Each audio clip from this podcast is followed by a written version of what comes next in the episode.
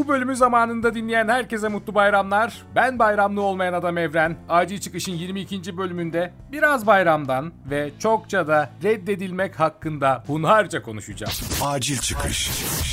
Bu yıl korona sayesinde herkes bayramı benim uzun yıllardır Kanada'da yaşadığım gibi yaşadı. Yani telefonla geçirdi. Malum sokağa çıkma yasağı var. İnsanlar birbirine gidemedi ve telefonlara sarıldı. Bu arada otoyollar ve köprüler de Türkiye'de ücretsiz olmuş. O haberi de coşkuyla karşıladım. İşte güçlü Türkiye. Kanada'ya geldikten sonra bu bayram meselesi benim için tam bir görev haline dönüştü. Eski hali kalmadı tabii. Yani anneannemle geçirdiğim, teyzemle geçirdiğim bayramlar gibi değildi. Benim için bayramın en büyük özelliği buydu çünkü. Memlekete yapılan yolculuk, şehrin diğer bölgelerinden gelen kuzen ve yeğenler, anneanne ve teyzemin yemekleriyle verilen şölenlerdi bayram dedin. Şimdi ise ya kimi arayacağım sorusuna dönüşen bir call center hedefi haline geldi. Zamanla arama hedeflerim de düştü tabi. Beni büyüten, en yakın akrabalar listesine kadar düştüm. 10 listem var onları arıyorum genelde. Neyse zaten artık herkes sosyal medyada. Arayamadığım herkesin bayramı kutlu olsun. Oraya net bir bayram mesajı. Herkesin bayramını kutluyorsun. Orada okunan herkes üstüne alınmalı. Özel bir telefon beklememeli bence artık diye düşünüyorum. Bu bayramda da tabii bazı aramalar yaptım ve bir kez daha soruların evrimine tanık oldum. Bayram soru evrimi mi seninle paylaşıyorum şimdi sevgili dinleyen. Okul nasıl? Karne nasıl? Ne zaman mezun oluyorsun? Ne zaman iş buluyorsun? Demek radyocusun. Ne zaman gerçek bir iş bulacaksın? Tam burada ne zaman evleneceksin sorusu gelecekti ki ben Kanada'ya göç ederek soruların sıralamasını yine değiştirdim ve şöyle devam etti. Kanada nasıl? İş bulabildin mi? İş nasıl gidiyor? Para kazanıyor musun? diye devam etti. Daha doğrusu şöyle. Ha, YouTube kanalınız var. Gerçek bir iş ne zaman bulacaksın? diye pardon bu soruyu unutmayayım. Ve bu bayram itibariyle artık o soruya sıra geldi. Var mı biri? Ha? Var mı biri? İnce iş. Ne zaman evleniyorsun? Ha? Evlenince de şöyle devam edecek eminim. Çocuk ne zaman? Ha? Çocuk yaptınız ikinci ne zaman? Galiba sonra emeklilik ne zamana kadar gidecek diye bilmiyorum bu soru evrimi. Hani ona yetişebilecekler mi, emekliliğimi görebilecekler mi bilmiyorum. Biz Türklerin standart açılış paket soruları bunlar biliyorsunuz hepimiz yaşıyoruz. Hayatlarımızı bir kalıba çeviren, Allah standarttan ayırmasın diye dua ettiren kalıplar. Bunları bozarsanız aykırı olarak kabul ediliyorsunuz. Ki ben bunları defalarca bozarak çoktan aykırı olarak kabul edildim. Ama içten içe o sorular o sırayla gelmeye devam ediyor edecek. Kaçış yok, yapacak bir şey yok. E gençler, var mı biri? Ne zaman evleniyorsunuz? Beşinci çocuk ne zaman? Hmm, harika hadi öptüm bay. Acil çıkış. Sevgili dinleyen, geçen gün çok güzel reddedildim be. Hatta öyle güzeldi ki keyifle tekrar tekrar okudum o bana gelen e-postayı, o reddedilmeyi. Lan manyak mısın? Diyebilirsin ama acele etme açıklayacağım canım. Allah Allah bu ne acele bir dur. Acil Çıkış Podcast için yeni bir seriye başlama kararı aldım ve bu aralar onun üzerinde çalışıyorum hunharca. Konuklu ve konusu azıcık ağır olduğu için biraz uğraştırıyor açıkçası. Bu yüzden birçok kişiye konuk daveti yolluyorum ve onlardan cevap bekliyorum. Bazılarından güzel cevaplar alıyorum, bazılarından hiç cevap almıyorum. Ama onlardan biri var ki hemen döndü. O isimse çok sevdiğim, podcastlerini, konuşmalarını, hiç kaçırmadığım videolarını izlediğim, arada da burada da bahsettiğim Serdar Kuzuloğlu oldu. O kadar yoğun olmasına rağmen e-postam o kadar hızlı bir dönüş yaptı ki ve nazikçe davetimi geri çevirdi bu e-postada. Bu normal. Bunda bir sıkıntı yok. Ama e-postayı okuyunca ve yazma dilindeki o nazikliği, efendiliği görünce mest oldum ya. Keyfim yerine geldi resmen reddedildiğim için mutlu oldum. Yani nasıl e-posta yazılır, nasıl insan geri çevrilir ders olarak okutabilirsiniz. En azından ben bunu ders olarak aldım. Kendisine bir kez daha da saygı duydum yalan yok. Dur tamam bak e-postayı okuyorum şimdi sana. Merhaba. Öncelikle ilginiz ve davetiniz için teşekkür ederim. Güzel bir şeye vesile olmaktan dolayı çok mutlu oldum. Burada hemen müdahale edeyim. Bu güzel şeyin sebebi kendisine şöyle dememden ötürü podcast yapmaya karar vermemin en büyük sebeplerinden biri sizsiniz demiştim. O da o kısmı cevaplamış burada. Devam ediyorum. Yayınınıza katılmayı da isterdim ancak içinde bulunduğumuz dönemin kendine has şartları gereği olsa gerek o kadar çok yayın teklifi geliyor ki inanın günümün yarısını buna ayırsam yetmeyecek. Mevcut işlerimin düzenini bozmamak, kendimi tekrara düşürmemek ve fikren körelmemek adına kıramayacağım birkaç dost haricinde bu tür tekliflere olumlu yanıt veremiyorum. Anlayışla karşılayacağınız ümidiyle selamlar, sevgiler. Bakın kısa, net ve nazik bir reddetme örneği. Bu konuya o kadar çok takılma sebebim de biraz şundan. Biliyorsunuz Kanada Geyikleri isimli bir YouTube kanalımız, bir YouTube sayfamız var Eray ile birlikte. Ve bunun içinde insanlar bize çok fazla e-posta atıyorlar ve sorularını iletiyorlar. Her ay onlarca e-posta okuyor ve olabildiğince cevaplamaya çalışıyoruz. Bildiklerimi en azından. Bazen hiç dönemediklerimiz ve kaçırdıklarımız da oluyor. Onlar kusura bakmasınlar. Fakat öyle e-postalar görüyorum ki gerçekten yazan kişi hakkında üzülüyorum. Mesela bir örnek. Kanada'ya nasıl geleceğim yardım edin. Bakın bunu hem konu başlığına hem de içeriye yazmış göndermiş direkt. Ne bir selam, ne bir başka bir söz, ne bir hoşçakalın. Hiçbir şey yok. Bunun versiyonları da var tabii. Kanada'ya nasıl gelirim? Şu mesleğe sahibim. Kanada'da iş bulur muyum? Konu başlığına çok acil, acil yazıp bu soruları sormalar da var. Çok enteresanmış gibi. Ölüyormuş gibi. Çok acil. Kanada'ya nasıl gelirim? Bu kadar. Bu sorular ve çeşitli emir cümleleri. Bu soruları tek başa ele aldığınızda sorularda yine sıkıntı var çok genel olduğu için ama hadi sıkıntı yok diyelim. Asıl sıkıntı söylenme şekilleri. Bir selam vermeden, emir verir gibi atılan, kimin kim olduğunu belli etmeyen, açık olmayan, duvara yazı yazıp kaçmış gibi atılan e-postalar bunlar. Bunların çoğu biliyorum ki Türkiye'de garsona bana şunu getir.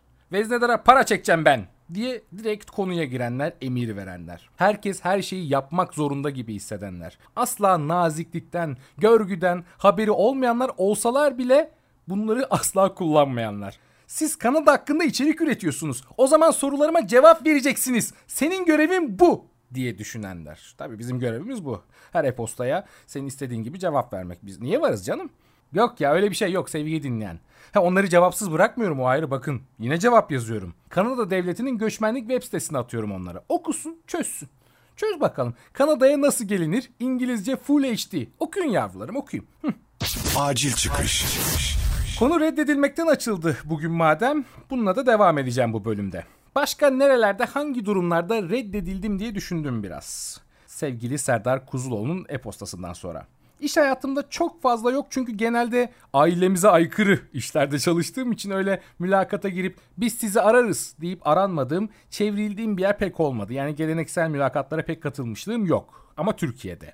Bak Kanada'da oldu ama. Şansımı deneyeyim diyerek büyük bir sosyal medya şirketine başvurdum. Kanada'da bulunan, şubesi bulunan. Türkçe içerikleri incelemekle alakalı bir işti ve kesinlikle bana göreydi. Yapabileceğim, sevebileceğim bir işti. Ben de cesaretimi topladım, CV'mi gönderdim. O şirkette de çok sevdiğim bir arkadaşım çalışıyor. Sağ olsun bana referans oldu ve kısa sürede beni mülakata çağırdılar.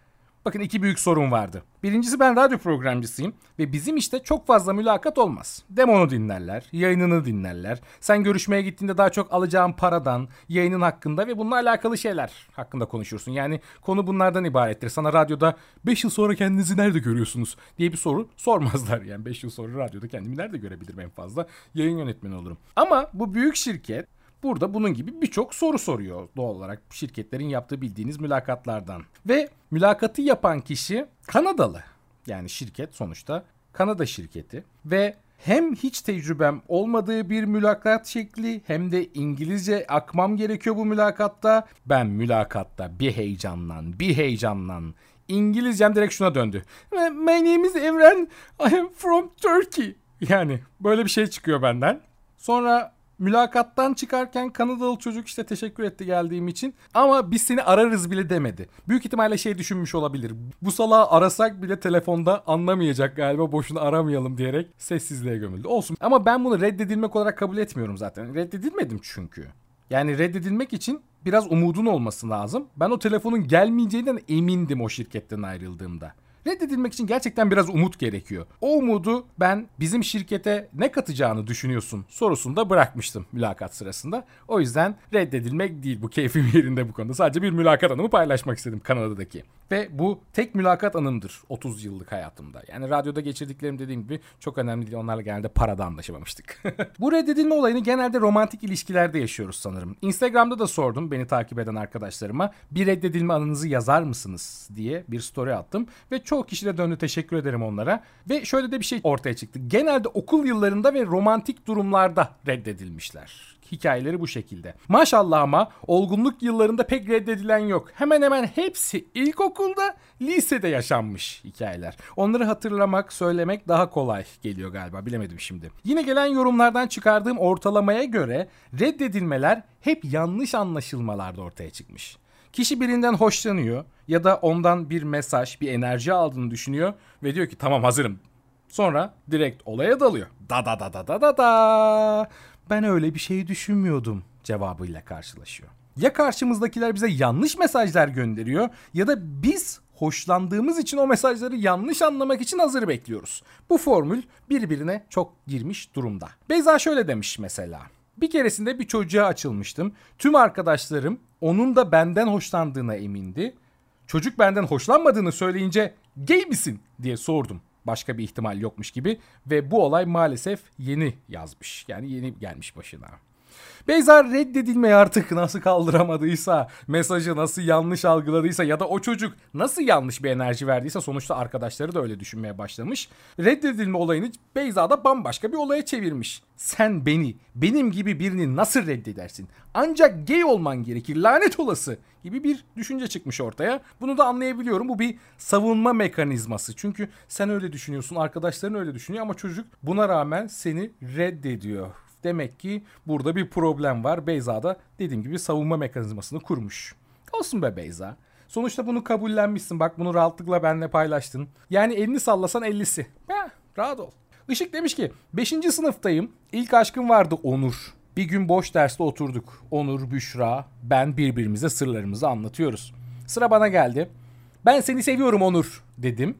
O da dedi ki ben 3. sınıfta seni seviyordum. Şimdi Büşra'yı seviyorum. Keşke bugünlerde de bu kadar cesur olabilsek ya. Bu kadar net, bu kadar açık sözlü. Hayat daha mı basit olurdu yoksa daha mı karmaşık? Tam bilemedim bunu yaşamak lazım. Ne bileyim en azından daha az acı çekerdik gibi geliyor bana. Daha az düşünürdük belki. Onur'u da ayrıca takdir ettim ama adam bir cümlede iki sır ifşa etmiş. Kendini açmış. Onur gibi olun bak. Onur adamdır. Işık senin içinse üzücü bir deneyim tabii ki ama keşke 3. sınıfta açılsaydın diyeceğim. Fakat ne demiş Tarkan? Yanlış zaman, yanlış insan. Her şey zamanında güzel olacak galiba. Buradan benim bu hikayeden çıkaracağım ders bu oldu. Gizem diyor ki bir hafta boyunca aramalarıma ve mesajlarıma dönmeyen bey kişisi eski sevgilim yeni sevgilisinden hamile kalıp kürtaj olmuş onunlaydım dedi ve biz artık görüşmeyelim ben sana iyi gelmem diye ekledi. Bahanesinin önünde saygıyla eğildim. Eski sevgilim yeni sevgilisinden hamile kalıp kürtaj olmuş. Wow. Geçmiş olsun. Sanırım burada bir flört durumu var Gizem'le bey kişisi arasında ama tam reddedilmek midir bu durum bilemedim. Yalnız o bey kişisi doğru söylüyorsa kendisine buradan gerçekten geçmiş olsun dileklerimizi iletiyoruz. Zor bir durumla karşı karşıya kalmış. Gizemcim aynı anda seni de idare etmeye çalışabilirdi. Onlarca yalan söyleyebilirdi. Bence güzel olmuş yani açık olması, net olması eğer doğruysa dedikleri güzel olmuş. Boş ver be. Ha? Ve son olarak Burak ilkokuldayken bir kıza onu sevdiğini söylemiştim. Sonra okul çıkışı konuşalım demişti. Çıkışta bütün sınıfı toplamış hepsinin önünde ben seni istemiyorum demişti. ya yine çocukken ne kadar acımasız olabileceğimize dair bir örnek bakın bu. Demin demiştim ya keşke çocuklar gibi net olsak diye. Şu an bir daha bir düşündüm bu hikayeden sonra. Bu yaşımızda böyle bir şey yaşadığımı düşünemiyorum. Çünkü bak şimdi iş yerindesin. İş yerindeki birine, bir kadına aşık olduğunu söylüyorsun. Ona açılıyorsun. Ondan hoşlandığını söylüyorsun. Sonra o kadın ben sana sonra cevap vereceğim diyor. Ve genel toplantı sırasında ayağa kalkıyor iş yerinde. Evren ben seni istemiyorum diye bağırıp yerine oturuyor. Hayal etmesi bile korkunç değil mi? Ama bunlar olmuyor değil. Bak sosyal medya var artık en küçük bir tanışalım isteğini bile ifşa edenler, hiç olmadık yerden taciz çıkarmaya çalışanlar, ünlülerden bu şekilde beslenmeye çalışanlar var. Ya bak bunları da bırak, dümdüz birini gerçekten istemediğini ve mesajını yayınlayarak o kişiyi böyle utandırarak sosyal medyasında paylaşanlar da var. Aynı bu şekilde direkt. İlla toplantı salonuna gerek yok artık. Bunu sosyal medya yeterince yapıyor. Orada yapıyoruz. Yani yapıyoruz derken yapıyorlar. Hayatta böyle bir şey yapmam. Neyse bu konuyu daha fazla uzatmayalım. Mesaj atan arkadaşlarıma da teşekkür edelim. Reddediliyorsak bir sebebi var. Üzülmüyoruz. Yolumuza devam.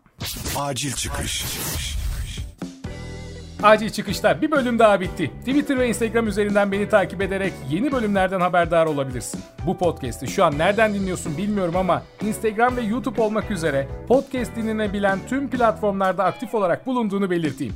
Eğer dinlediklerin hoşuna gittiyse beni dinlediğin platform üzerinden takibi alman ne de güzel olur. Bana ne de güzel hissettirir biliyor musun? Artık biliyorsun. Yeni bölümde görüşmek üzere. Evren Başer'le Acil Çıkış sona erdi.